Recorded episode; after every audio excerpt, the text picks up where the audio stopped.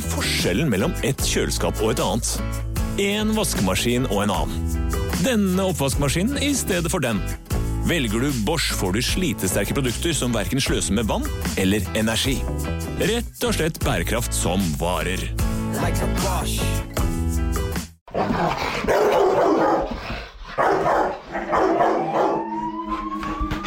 Ja,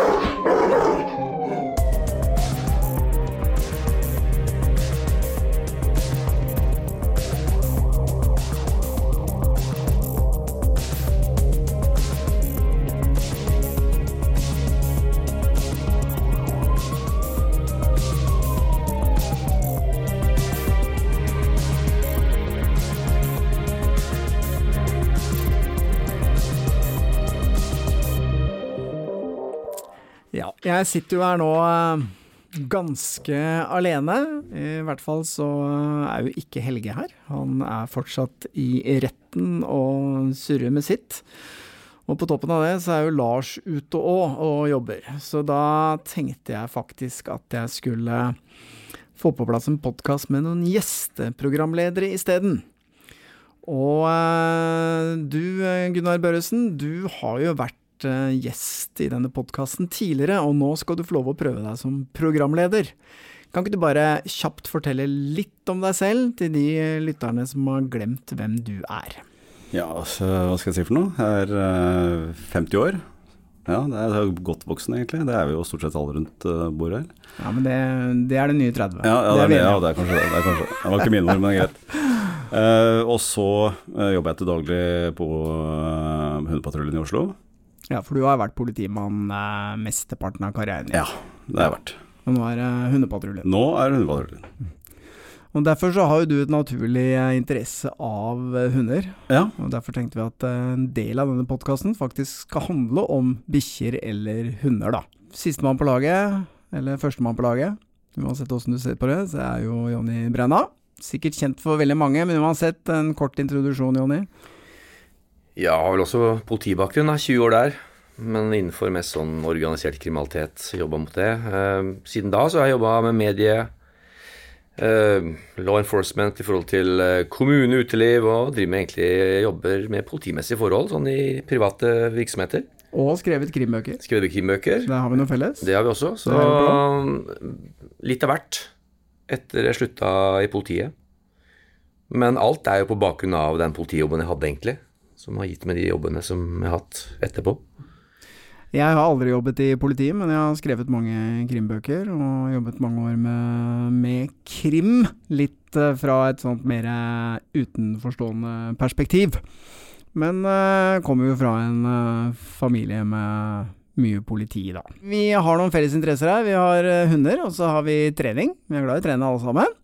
Og så er det jo denne true crime-biten, hvor vi skal eh, dele noen eh, ordentlige, kule historier fra i dag, men også fra tidligere. Og så sammenligne litt hvordan kriminalitetsbildet kanskje er i dag i forhold til hva det var for eh, 20-30 år siden. Men Gunnar, du har en eh, ganske sint hund. Jeg har truffet den et par ganger. Og den ene gangen så gjorde han ikke noe annet enn å ri på meg i tre timer. Ganske jeg dominant. er, jeg, vet, ikke- jeg vet ikke om det er for han er uh, sint, men uh, Men er veldig dominant. Ja, hvis, hvis det, ja, Mm. Fortell litt om denne hunden. Nei, altså det, dette her er en, uh, dette er en to, han er to og et halvt uh, nå. Dette er en Malanois, belgisk uh, forhund, som, som blir brukt av politiet. Vi har jo både schæfere og, og, og maller, som vi kaller det, da, eh, som patruljehunder. Så jeg har en, eh, jeg en Malanois, da. Som jeg godkjente da Jeg begynte på hundepatruljen da for to år siden. Jeg, som Jonny så jeg jobba veldig veldig mange år med organisert kriminalitet. Og så var jeg og jobba for et sveitsisk krypteringsselskap i mange år. Og så kom jeg tilbake til politiet da for et par år siden på hundepatruljen. Så eh, jeg er jo alltid Jeg vokste vokst opp med, med hund. Jeg er veldig, veldig glad i, i hunder og syns det er eh, kjempespennende og morsomt. Så nå får jeg liksom dyrka litt sånn jobb og eh, hobby i godt voksen alder. Så det syns jeg, eh, jeg er veldig, veldig morsomt. Men du fortalte en historie, du må jo fortelle den. For den der bikkja di, den ser jo så gæren ut at den, den stopper jo til og med kjeltringer som egentlig ikke har noe å frykte fra hunden. Nei, altså, ja, det var altså, altså, han er egentlig ikke Han er en uh, jovial kar, egentlig. Men, men, uh, men han kan bli, kan bli uh, sinna, da. Men det er jo det er fordi at vi bruker jo disse hundene som et, som et ver verktøy. Um, så, så, de har også det i seg, selv om de har mange andre ting som ikke har noe med sinne å gjøre i seg òg. men, men ja, ja, nei, altså Ja kar som, eh, som løper da, og slåsskamp. Og så eh, hopper han over et svært eh, gjerde, og da tar jeg jo ut uh, hunden. Og da skjønner jo han med en gang at det her, nå skjer det et eller annet. Og så begynner jeg da å rope til han gjerningsmannen som har klatra over et kjempehøyt gjerde som jeg aldri har sjanse til å klatre over uh, med den hunden i det hele tatt. Men hun øh, låser seg på vedkommende, da, som er på andre sida av gjerdet, og, og, utagerer noe, noe, voldsomt. Noe som gjør det at denne gjerningsmannen da snur øh, og kommer tilbake igjen og gjør som jeg sier, egentlig. Uh, til da kolleger da får hoppa over gjerdet og, og, satt på den da, da håndjern. Så det er godt gjort. Det, ja, det er effektivt. Ja, ja. Det er effektivt. Men du klarer å skremme en fyr som egentlig er i trygghet. Men, men, men, men, når det er sagt, da uh, samme, samme, helgen.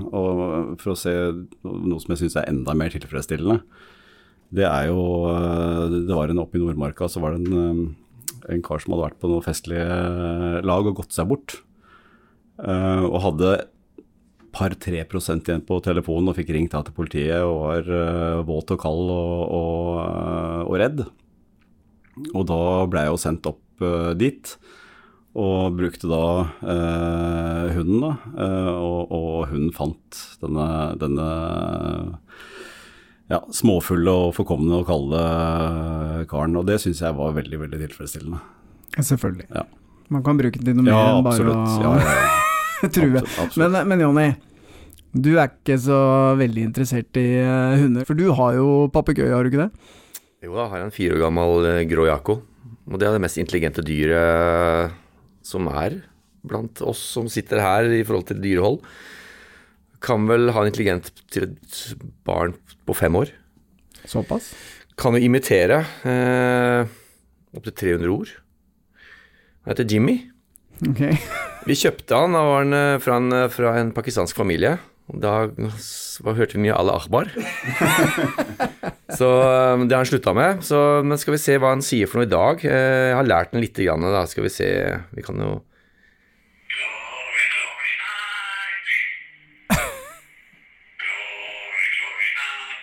Jeg er ManU-fan.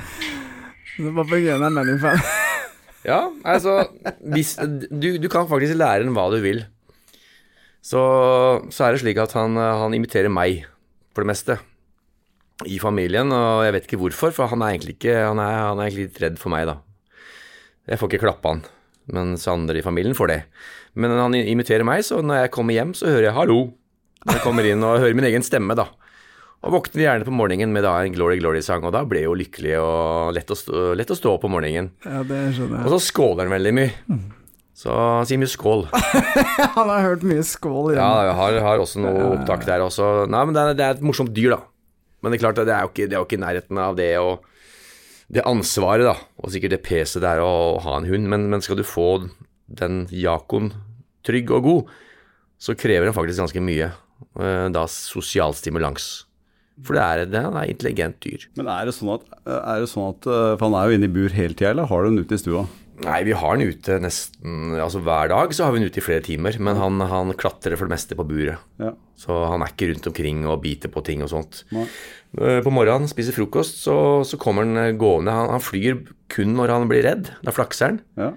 Og stuplander et eller annet sted. Eh, skal han gå, komme til oss, så går han gjerne går ned fra buret, så tasser han på, på gulvet, så hører liksom sånn klorelyder da, fra disse lange neglene. Fordelen er at du slipper jo luften. Slipper luften. Så han eh, så det er klart at det er mye lettere enn å ha en, en, hund, men samtidig så kan det være krevende med mye bråk. Så da må du gi den en liten sånn derre Spyle litt med vann, da kan den bli stille. Men hva gjør du for noen som drar på ferie? Ja, Vi ha noen som kommer innom og bare se til den og prate litt med den og gi den mat og sånt. Ja, okay. ja vi gjør det. Vi, vi, vi, vi, flytter den ikke bort noe sted. Nei. De, de trives veldig godt med det statiske. Det som er nytt, er skummelt. ok. Ja. Jeg har jo også skaffet meg en hund. Når du snakker om intelligens, så, så, tenker jeg at de er ikke så dumme, disse bikkjene heller, altså. Fordi hun eh, Her om dagen så, så var hun litt sånn utagerende og tygde på møbler, og jeg ble litt sånn irritert. Hun ga seg ikke, så jeg pælma ut på verandaen i to minutter. Og så tok hun inn igjen, og så gikk hun liksom rundt og kikka på meg, og så som pur F, altså, så gikk hun bare opp på teppet sitt, og så tissa hun på teppet. det var sånn der nå. Og hun er jo nesten sturei, hun har jo ikke tissa inne eller gjort noe. Hvor gammel er hun blitt nå? Nå er hun blitt eh, litt over tre måneder. Men hun er jo nesten sturei, hun er jo aldri noen uvel men jeg bare så blikket hennes, at uh, nå er det grinete oppreist, nå skal jeg rett og slett uh, ta hevn. Så jeg vet ikke om det Hun har aldri, aldri gjort noe sånt Altså Hvis hun har gjort fra seg inne, så har hun gått vekk fra meg. Inn på kjøkkenet eller et annet rom. Men det var sånn hun bare kikka på meg, så gikk hun og tissa på teppet. Så men, men, men, det er kanskje dårlig hundeoppdragelse, er det du prøver å komme fram til? Nei, nei, nei, nei, nei, jeg bare sier at eh, om, om du har hund eller katt eller papegøye eller et eller annet sånt, så, så syns jeg at det gjør liksom et eller annet med dynamikken hjemme. Det, jeg det, ja, det er eh, koselig. Det er fint. Det er jo det. Ja, Herregud. Det er det. Det er jo, jeg bare ser bare engasjementet ditt når du prater om din på tre måneder. Det er jo så, og, og Jonny for så vidt også, ja, ja. du smiler jo fra øre til øre. Det er jo Dyr gjør noe med deg. Absolutt. Og jeg tenker vi skal, uh, vi skal snakke litt om trening. Og i forbindelse med trening så, uh, så er jo dere godt trente karer. Så jeg har lyst til å gi dere en liten sånn challenge. Få se om jeg syns, du, jeg syns du nesten nevnte i sted at du var ferdig egentlig ferdig rigga på sommerkroppen. Ja, ja. mer eller mindre. Ja, ja, nesten. Men vi skal, vi skal, ha en liten uh, challenge. Uh, men uh, når vi først er inne på tema trening, åssen går det med treninga, Jonny? Du er jo gammel grismann, du. Ja, jeg holder på med veldig mye rart, egentlig. Så akkurat nå så, så har jeg oppdaga Strava.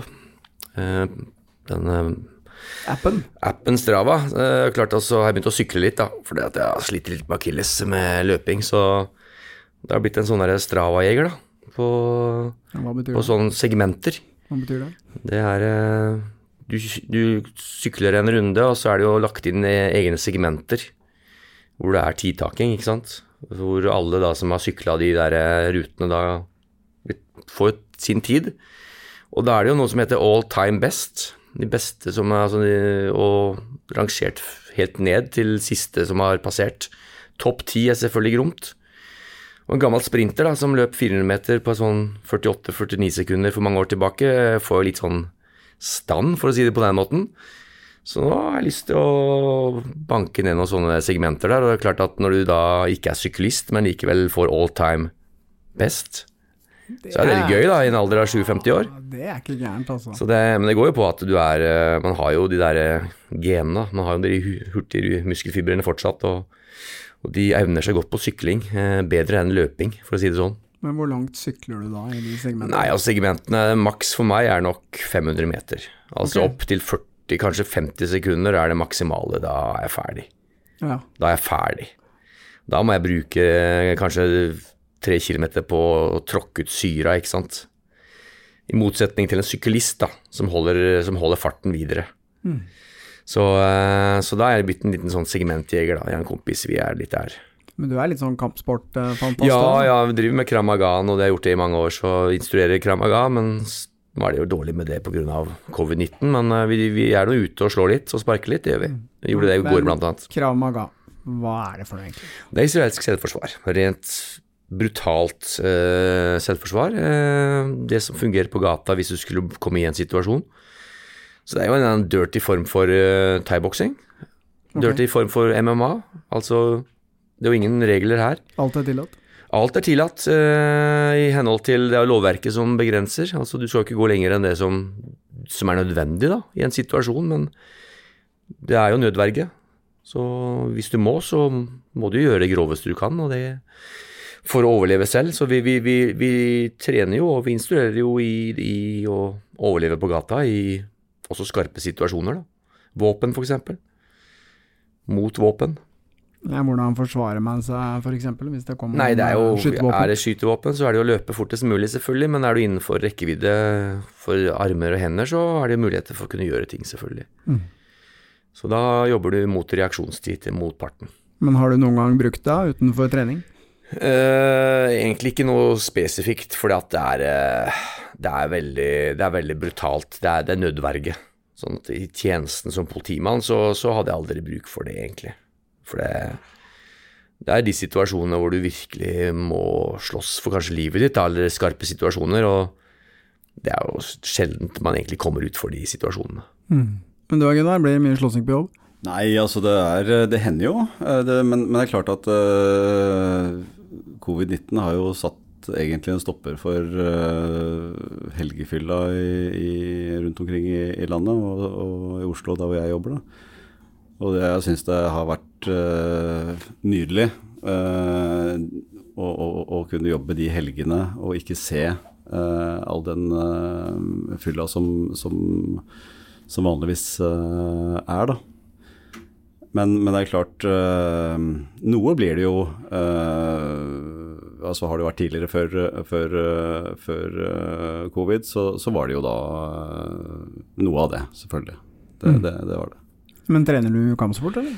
Nei, vet du hva, jeg har aldri trent, aldri trent kampsport. Jeg har egentlig stort sett trent på, på, helsestudio, og senere år så har det vært det pluss uh, løping og noe yoga. For jeg er jo 50 år hvert øyeblikk. Jeg blir stiv og støl. Og når du går da med skuddsikker vest og, og belte fullt av ting og tang, så gjør jo det noe med ryggen din. Du sitter jo i bil uh, med alt dette greiene her sånn.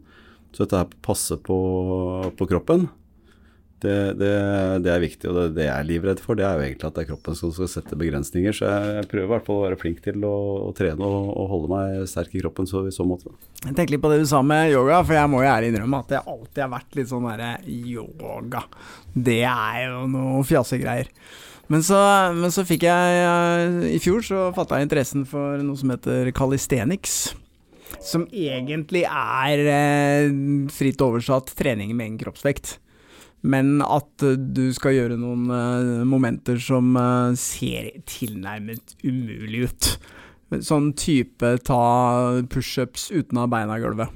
Altså, det har jo mange elementer av yoga i seg. Fordi at det stiller så store krav til balanse og fleksibilitet og en del sånne ting.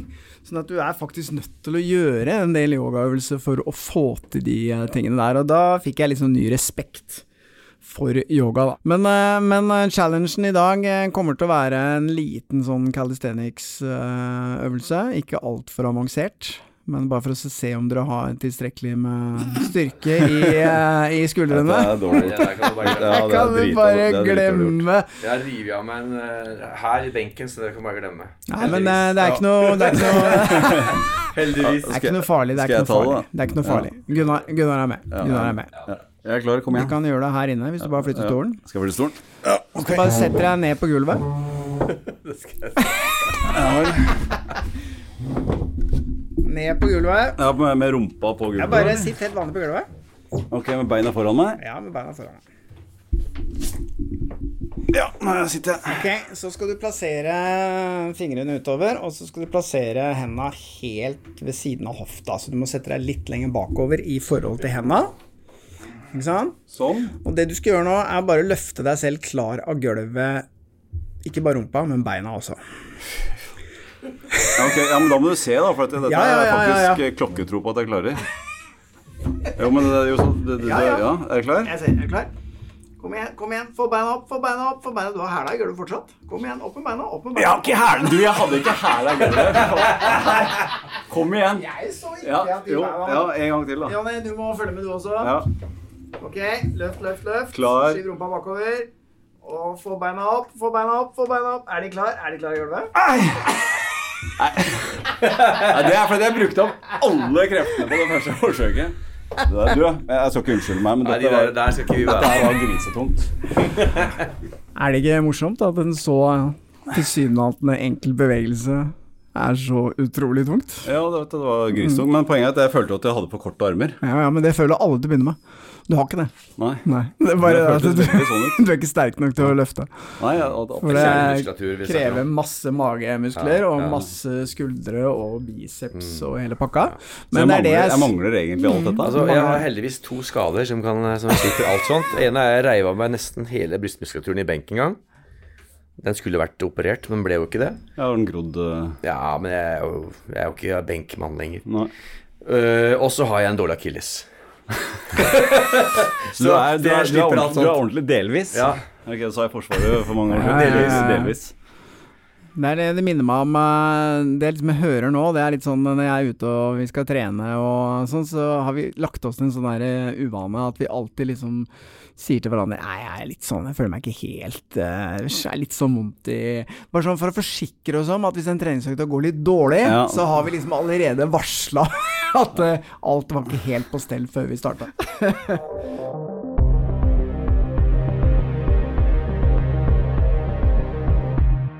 Ja, vi har jo da nå kommet til uh, dagens gjest. Og du Jonny, du uh, kjenner jo mye, mye folk. Du har tatt med deg en gjest i dag. Ja, jeg har en gjest som jeg husker fra gammelt av. Jeg husker jeg møtte den første gang i 1993. Da hadde han hockeysveis, ballgenser og joggebukse og ble kalt for Langhår. Huff a meg. Har ikke så langt hår lenger. Ikke har han eh, ikke ballgenser heller, Ja, men eh, Ballgenser, det hadde jeg også. Skal faen ikke, skal ikke kimse av det, altså. Det var ganske populært den gangen, var ikke det liksom statussymbol med ballgenser? Hockey- Ballgenser Hockeysveis og er jeg litt usikker på. Du var ikke kul uten ballgenser, det var du ikke. Det var det ikke. Men velkommen til oss, da. Lasse Langhår, som du har blitt eh, kalt. Veldig hyggelig at du gadd å komme og være gjest her. Tusen takk. Du har jo en, eh, en historie. Du har mange historier på lager, det har jeg skjønt. Jeg har fått servert lite grann. Jeg tenkte kanskje du kunne begynne med å fortelle litt om eh, For for deg så startet du dette her i 1986.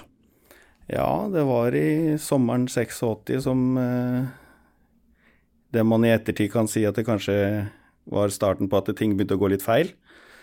Men eh, for oss så var vi jo en eh, guttegjeng oppe i Tveita-regionen der da, som egentlig bare syntes vi hadde det gøy. Ja, for det vi snakker om nå, det er jo den notoriske Tveita-gjengen. Som du, eh, Jonny, eh, kjente godt. Ja da, jeg kom jo inn i dette her i 93, og det var jo pga. at det skulle være et prosjekt mot Tveita-gjengen. Så, og da var det jo Da har de holdt på noen år allerede. Uh, og jeg husker jo det at jeg begynte på spaningen 1.11.93. Eh, og jeg fikk jo jobb fordi at det var et prosjekt. Og det, bakgrunnen for det var jo at det har vært en del stygge saker. Eh, blant annet den eh, bønna som ble skutt da, av Tom Sigolsen. Eh, så jeg begynte jo på politihuset der, sivilt. og det var personspaningen som, eh, som var de som hadde ansvaret for, for prosjektet. For dette var jo ikke narkotikarelatert, så da gikk hun alt til personspaningen. Som da hadde etterlyste personer, hadde godsspaning og hadde spritspaning, og så fikk de Tveitagjengen, da. Ja, Og og nå er vi Da har det allerede gått sju år. Jeg vil gjerne høre hvordan det starta for deg. Ja, hva skal man si der? Det er ikke lett også å starte sånn, men det, for meg så starta det jo egentlig med at jeg, jeg bodde jo hos min mormor da, oppe på Trosterud. Eh, barndommen min var vel litt så som så, og har vel egentlig ikke den beste starten på livet sånn sett, men føler allikevel ikke at det kanskje er det som er årsaken til at ting utvikla seg sånn som det utvikla seg. Det har mer med vennerelasjoner og hvilket miljø man havner i ute i, på fritidsklubben liksom å gjøre. Og var jo veldig interessert i motorsykler og, og biler og sånn, da. Og, og var noen kompiser av meg som i løpet av sommeren 86, eh, som jeg på den tida der, så var jeg eh, sammen med stefaren min eh, på Larkollen camping.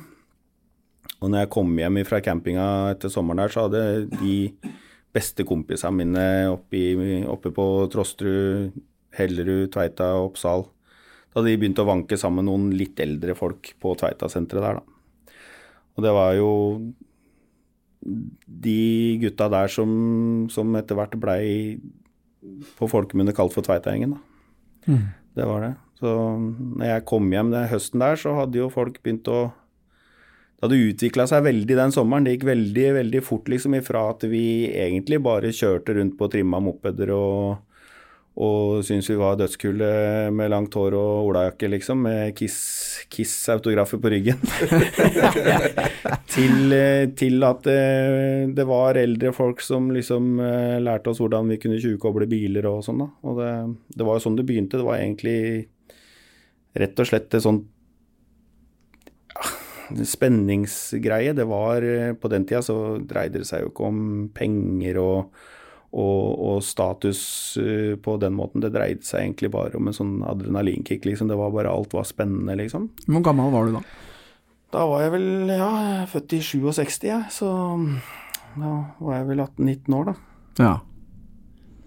Så, så egentlig bare ung gutt? Var bare ung gutt som var veldig uvitende da, og veldig spenningssøkende. Og til det kanskje litt feig og ikke man fulgte liksom de som man syntes var tøffest i gjengen, da, hele tida. Mm. Var ikke så flink til å si nei, for å si det sånn. Men kan du huske, kan du huske Ok, dere kjørte Men på et eller annet tidspunkt så du, begynte du å gjøre ting som, eh, som, ikke var helt lovlig? Ja, det gjorde vi. Og det var jo Det begynte jo da sensommeren 86. Da var det en kompis av meg som, eh, som jeg hang veldig mye sammen med, som eh, var eh, Han kom fra Oppsal, og han hadde jo da Jeg tror han hadde hatt en eller annen slags litt mer enn vanlig feide med moren sin, så han, han hadde på en måte stikket hjemmefra, da.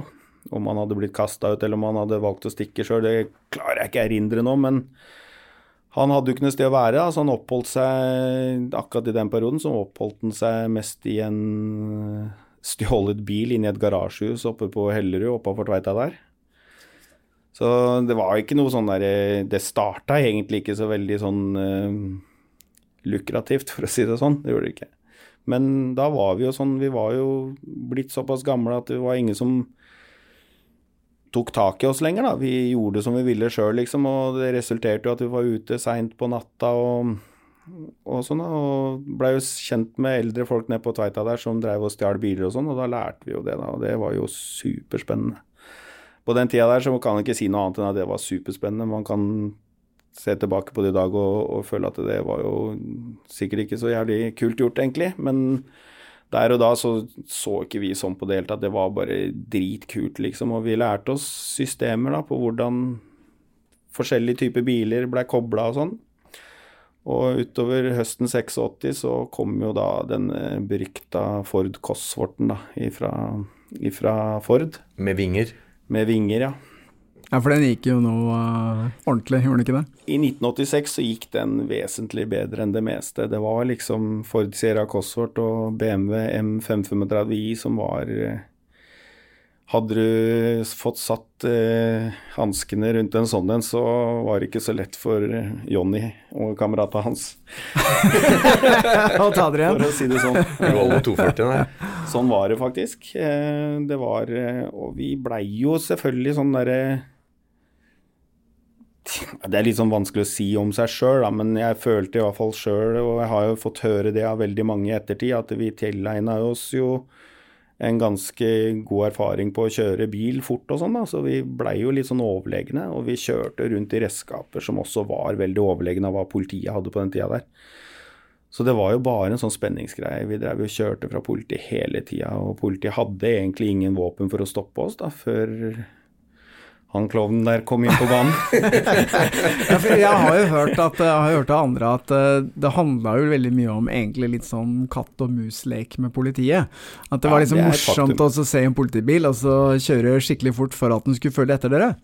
Ja, det var faktisk så spennende for oss på den tida der at når vi fikk tak i en sånn Ford Sierra Cosfort, så, så da var det jo bare telefonkiosker og sånn. Da ringte vi mange ganger til politiet, og så utga oss for å være et avisbud eller noe sånt, og så sa vi det at det står noen gutter her med en sånn Ford Sierra med sånn voldsom spoiler, de står her med noe brekkjern og noe greier, og de, de driver på med noe, noe greier her. Og så, og så satt vi med politiradio, da, for det var jo ikke det noe skrambla nett og sånn, så satt vi med politiradio, så hørte vi liksom at det, og det, var, det syns vi var helt superspennende, da. For det var sånn Uansett hvis det var noe husbråk eller forskjellige sånne ting, så var det liksom sånn sentralen til politiet, da, de liksom måtte mase for å få noen til å ta det oppdraget. Men så fort det var et eller annet som dreide seg om biljakt, så var det liksom 14 enheter som meldte, meldte seg da, og ville være med på dette. Og det, og det er litt kult, det som vi prata om uh, tidligere. for at uh, der, gikk jo, der, gikk det jo, på en måte historie blant disse gamle kara på Ullensaker lensmannskontor også.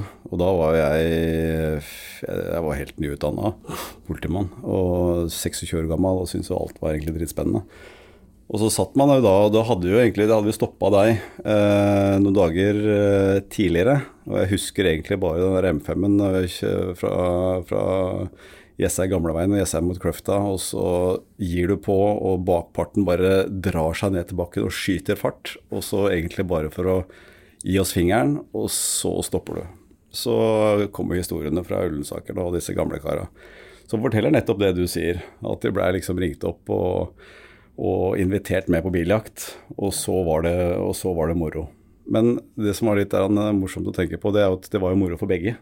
Det var jo moro for de, og det var moro ja, ja, ja. For, eh, for, for, dere. Så det er eh, Ja, ja det gikk litt begge veier, med andre ord. Ja. Ja, ja, men på den tida der så, så, var det jo sånn det var. Det var jo dritkult, men vi syntes jo det var det aller kuleste for oss. Det var jo det at når vi hadde klart å kjøre fra politiet, hvor liksom Ja, politi, liksom Idioter der, liksom. Det var, jo sånn. Det var jo status, liksom. Jo tøffere vi var mot politi, og høyere status fikk vi liksom innad i, i laget. Og det var det å å, jo mer du klarte å gjøre narr av en politimann, eller jo mer status du klarte liksom i avhørssituasjoner og alt sånt, og så liksom ikke prate med politiet, da, jo tøffere var jo liksom. Det var jo sånn det var. Det var jo den justisen som var. Det var jo strengt forbudt å prate med politiet, og på den tida der så føler jeg vel kanskje at eh, det man kaller for Tveita-gjengen, at det kanskje var et miljø som var ganske tidlig ute med å prøve å opprettholde den standarden der. Det var ikke det var ikke mange som sladra på hverandre og sånn. Og jeg tror det var veldig problematisk for politiet på den tida der å, å komme inn på oss. Men, men dere, dere, var jo en gjeng som på en måte hadde holdt sammen fra, fra tenårene av? Ja, mange av oss var det. Ja, ja, mange av oss var det. det var det. du kan si det var en sånn veldig dyp lojalitet, da.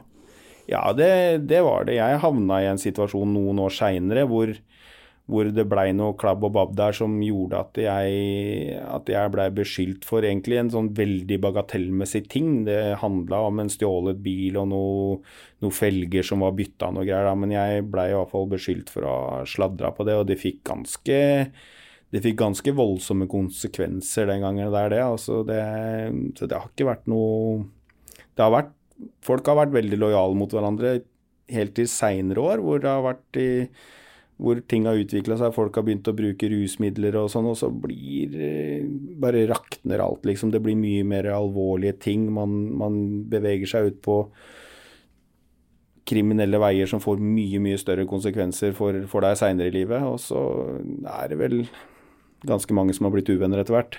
Det er det. Men på den tida der så var Da var det oss mot politiet. Altså det var eh, enkelt og greit. Ja, nei, jeg bare, jeg bare, bare tenker på uh, Ja, som du sier, at den tida så var det var spenningen som, uh, som drev det. Det var ikke uh, For meg så var det 100% det. Ja, det, dreide seg, da, det, dreide seg, ikke om noe annet. Nei, og, og, og, og så, så, tenker For jeg, jeg, jobber jo jeg jobber ute i, i, i, gata nå, jeg har gjort det i mange år, da, men hvor, hvor, har, hvor har det blitt av det, det, segmentet med, med folk? Altså hvor, hvor du, du finner jo ikke det lenger. Det er, eh, altså, det, det, er, det er, ikke mye biljakter lenger. Nei, det kommer jo det er, det, det, akkurat det greiene der, i hvert fall sånn her, her på Østlandet. Så sånn der, hvis man skal sitte og analysere hva som skjedde, så vil jo jeg gi mye av skylda på han der. For ja, han, Jonny ødela alt. Ja, ja Jonny ødela alt, han gjorde det.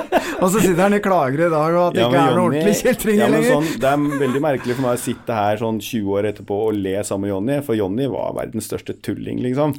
Han var det, men han, han lagde seg til den personen sjøl. Han, han kunne være Hvis du liksom jeg brukte aldri rusmidler, jeg var aldri rusa, vi, men allikevel var på diskotek og sånn hver helg og sånn, og der damene var og, og alt sånt. Så, så, liksom, og da kom jo han kjørende sammen med makkeren sin, og sånn, da blei det jo ofte at man sto liksom sånn og så jatta litt med hverandre, og han var ute med fiskestanga si hele tida, da, ikke sant. Og, og sånn, så man blei jo på en måte litt kjent. Og, og sånn når det ikke var en saksrelatert greie, så var jo Jonny en veldig sånn hyggelig og grei kar. Det var han jo, det var han jo mot mange. Men allikevel, alle syns han var den skumleste karen som har vært imot den gjengen der, da. For alltid, liksom. Den den tittelen, den har han fortjent. ja, den henger høyt på CV-en, den der, altså. Ja. Men kan, kan, du huske første gangen du traff Jonny?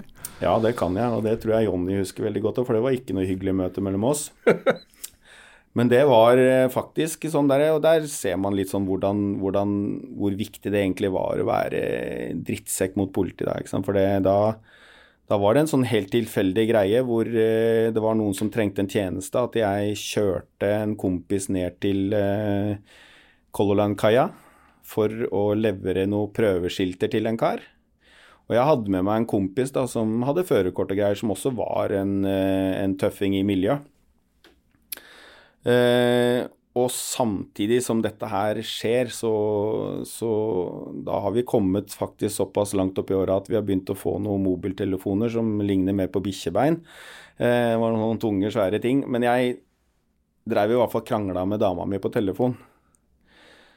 Så vi møter da Jonny og makkeren hans i en sånn Opel Omega i rundkjøringa inn på Color der.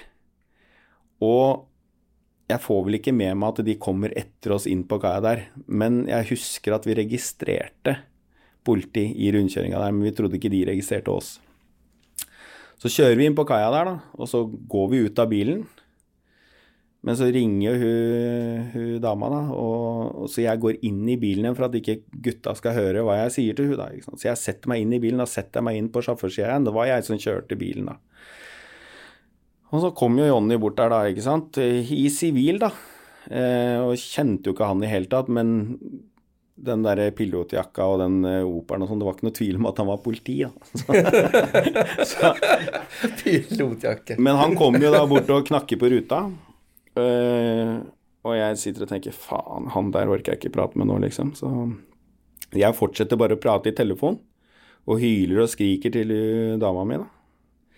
Eh, og han er tålmodig, han venter sikkert et minutt før han knakker på igjen, da, litt hardere, og da klikker det jo for meg, da. ikke sant. Og så da skal jeg tøffe meg, da, for da er jo et par av kompisene mine der, så jeg river opp døra der og går liksom til verbalt angrep på Jonny der, da, ikke sant. Og han står jo bare og ser på meg og lurer på hva slags dust jeg er, da, ikke sant. Eh, og så tar jo han kameraten min over, da, og han var egentlig Han var en tøffing, han, eh, på det, den tida der. Så han sa jo rett og slett fra til Jonny at eh, hadde ikke du vært politi, liksom, så skulle jeg slått deg helseløs, liksom. Og Jonny bare flirer av han, da. Eh, men politiet tok litt hevn på oss der, da, at vi var frekke i trynet der, da. For da kom det en sånn toller, da. Vi sto inn på Color der, så da blei vi jo båret inn på tollarresten der, da, og strippa og, og Det var ikke måte på hvordan de herja med oss der, så, så da fikk vi vite at han Jonny, han skulle vi ikke kødde så mye med. Så det var første møtet mitt med han. Men Jonny, kan du huske hvilket ærend du var ute etter da? Var du ute etter å ta vår venn her, eller? Nei, men på den perioden der så, så kjørte vi jo sånn Tveita-runde. Så vi visste jo alle bodde den, ikke sant. Så vi hadde sånn litt kort runde og så lang runde. Og, og, da var det slik at vi, vi, registrerte biler og hvor de var, hvem, hvor bilene sto hen. Så vi kjørte de rundene, og da hadde vi jo Vi kunne ligge på, på E6-en og så møte, og så kunne vi si Der var den! Der var den! Ikke sant? Du, for du, registrerer bilene, og du registrerer personer. du så inn i hver e, eneste bil du møtte. Så det var en sånn teknikk som vi på spaningen eh, fikk, da. Det var å, Vi lette jo etter folk hele tida, vi lette etter tryner. Eh, og, og, det var noe vi ble ekstremt flinke til. og, og ta folk på ansikter på biler og sånne ting. Så når vi møter folk i trafikken, så var det helt Ok, der, der var de. Så var det å henge seg etter, da. Så det var vel det vi var på da. Vi var ikke noe spesielt vi var ute og kjørte etter, men vi hadde en runde, da. Så, men iallfall én ting som vi snakker om eh, her, er jo at vi, den spenningssaken Men det ble jo penger òg. Ja, absolutt. Altså, vi snakket om minibanksprengninger, og det begynte med, med sjokkbrekk og, oh, og så videre.